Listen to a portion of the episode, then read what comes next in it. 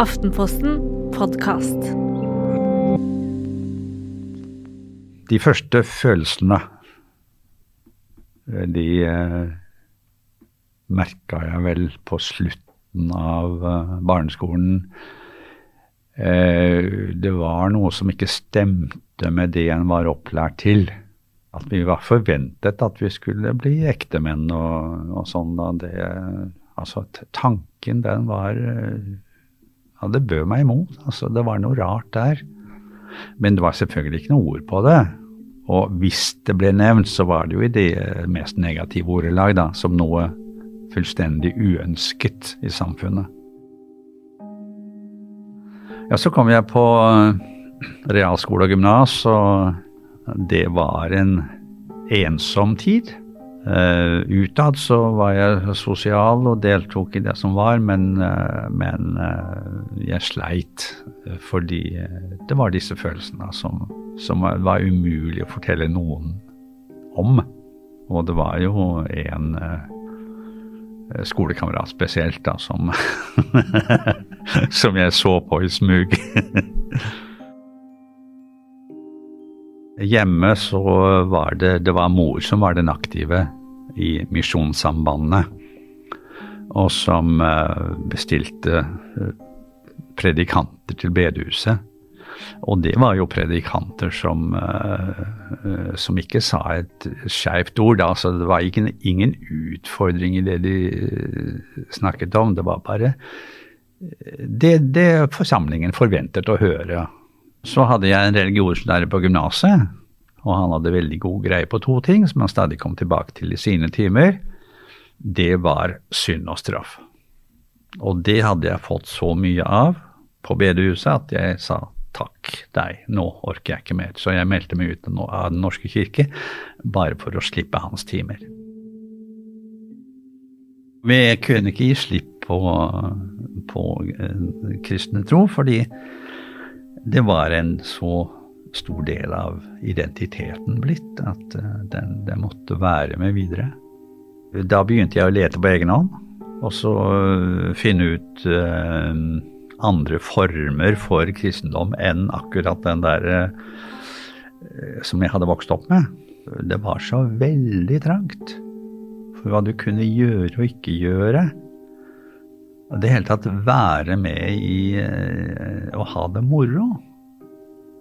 Så derfor så øh, begynte jeg å søke på egen hånd, og så kom jeg i kontakt med den katolske presten i Porsgrunn, som var den nærmeste kirken da, og det, det var høyt under taket, og det var uh, mange intellektuelle som ble tiltrukket av den formen. Og nå vil jeg ikke kalle meg selv for veldig intellektuell i, i den forstand, men, men det, var, det var noe ved den.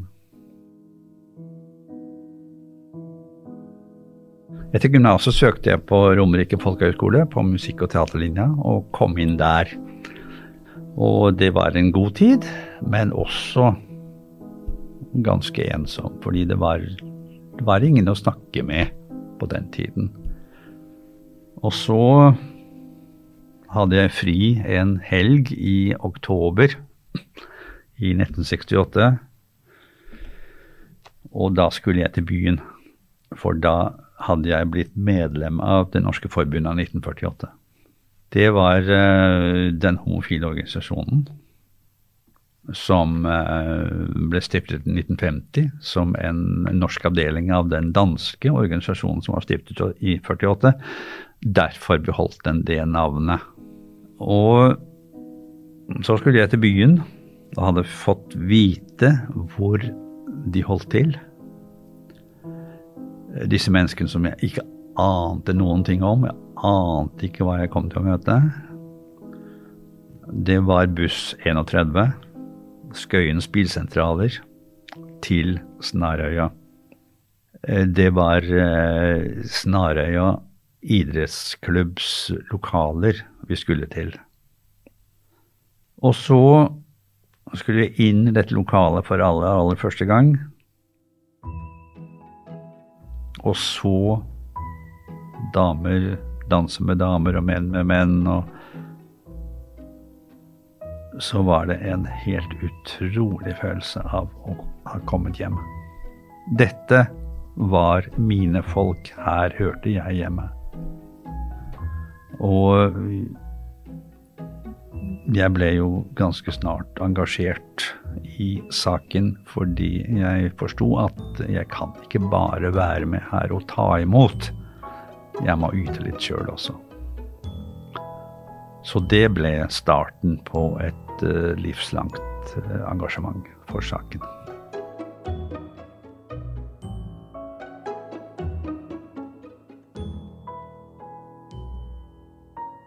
Så fikk vi en invitasjon fra eh, NRK, fra Liv Håvik. En av de virkelig gamle, gode programlederne. Hun ville lage et program om homofili. Og um, da var jeg den eneste som sto fram med navn uh, i radioen. Og det resulterte at jeg fikk min dose av hatbrev. Og det var jo en som sa at det, det er fint at dere står fram, for da kan jo vi normale gå i en stor bue utenom dere på gata. Så var det en annen som sa at uh, at dere møter motstand, kan jo bety at dere ikke oppfører dere pent. Nei, så hadde, Sånt hadde vi å stri med, men vi ga oss ikke.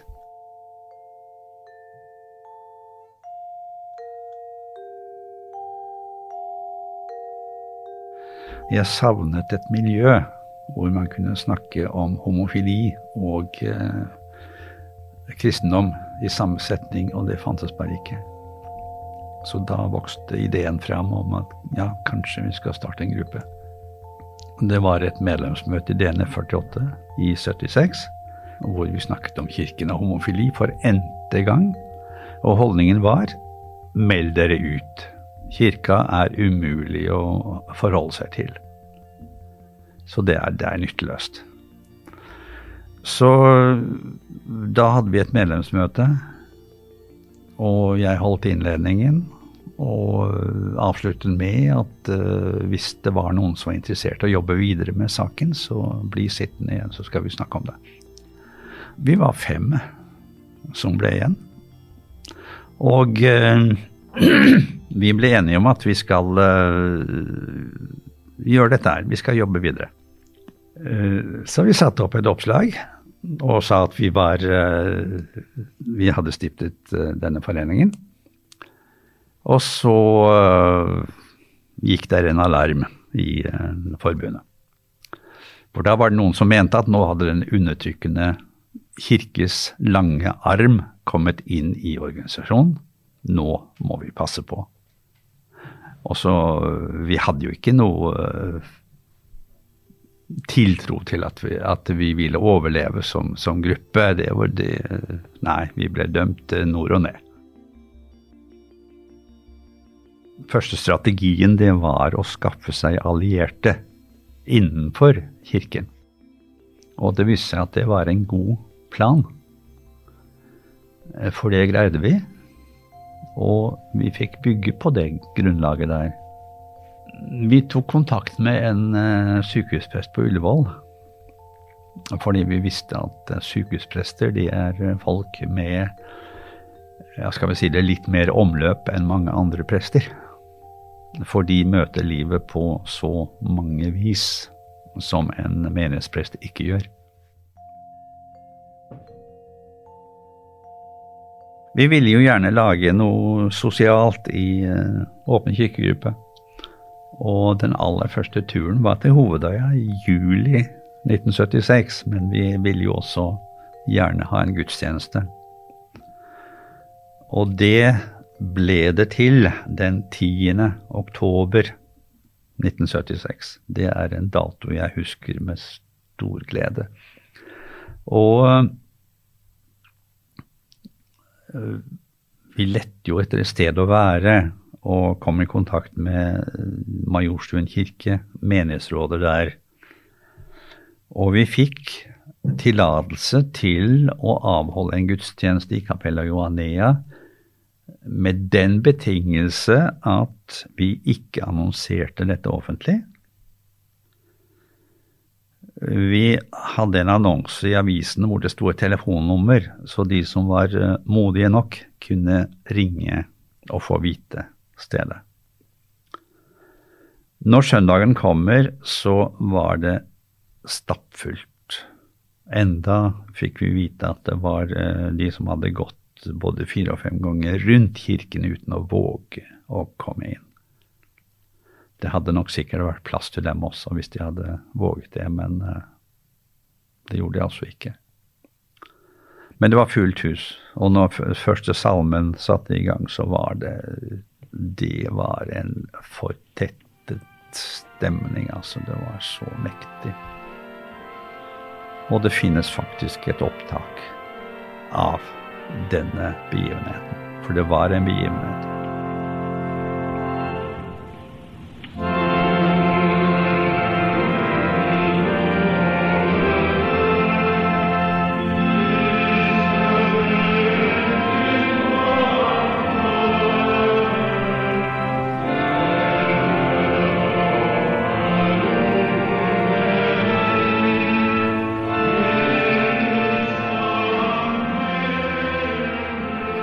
De som kom til oss, det var mange som meg selv, som kom fra landet.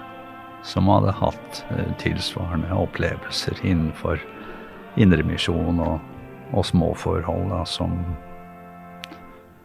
som fant det fristedet hos oss. Dette ønsket om å snakke om homofili og kristendom i samme setning, det har virkelig fått sin bekreftelse. Og det var eh, første store opplevelsene var nettopp den søndagen.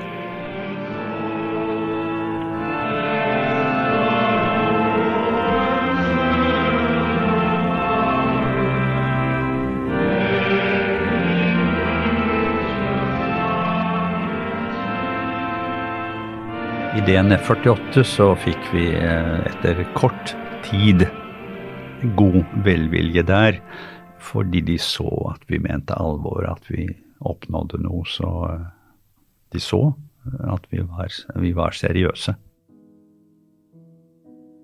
Jo, i årene etter 1976 eh, og framover da, så merket vi jo hvor mye dette betydde for de som kom til oss. Så det var jo en eh, det var en stor belønning i seg selv å se at dette det har noe for seg, det vi gjør. Det er viktig. Og det ble stort engasjement også. Folk kom til oss eh, ganske nedtrykt etter uh, dårlige erfaringer i barndom og ungdom. Og, og de blomstrer opp. Det var godt å se. Fra 1982 var det vel, så ble det Så begynte festivalen Skeive dager. Det som ble til Oslo Pride etter hvert. Og da da, fra det året og framover så ble den festivalen avsluttet med en uh, gudstjeneste i forskjellige kirker rundt i byen.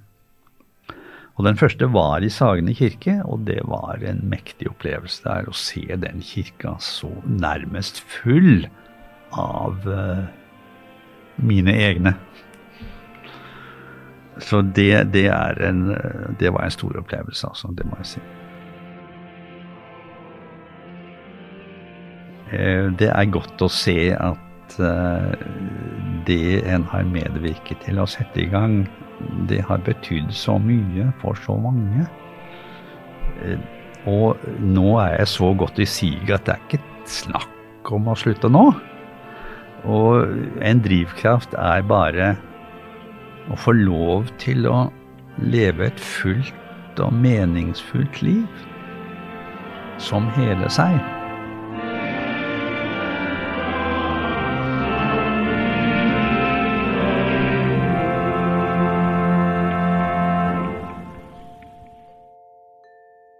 Du har hørt Åsmund Robert Vik sin historie her i Aftenpostens podkast Folk.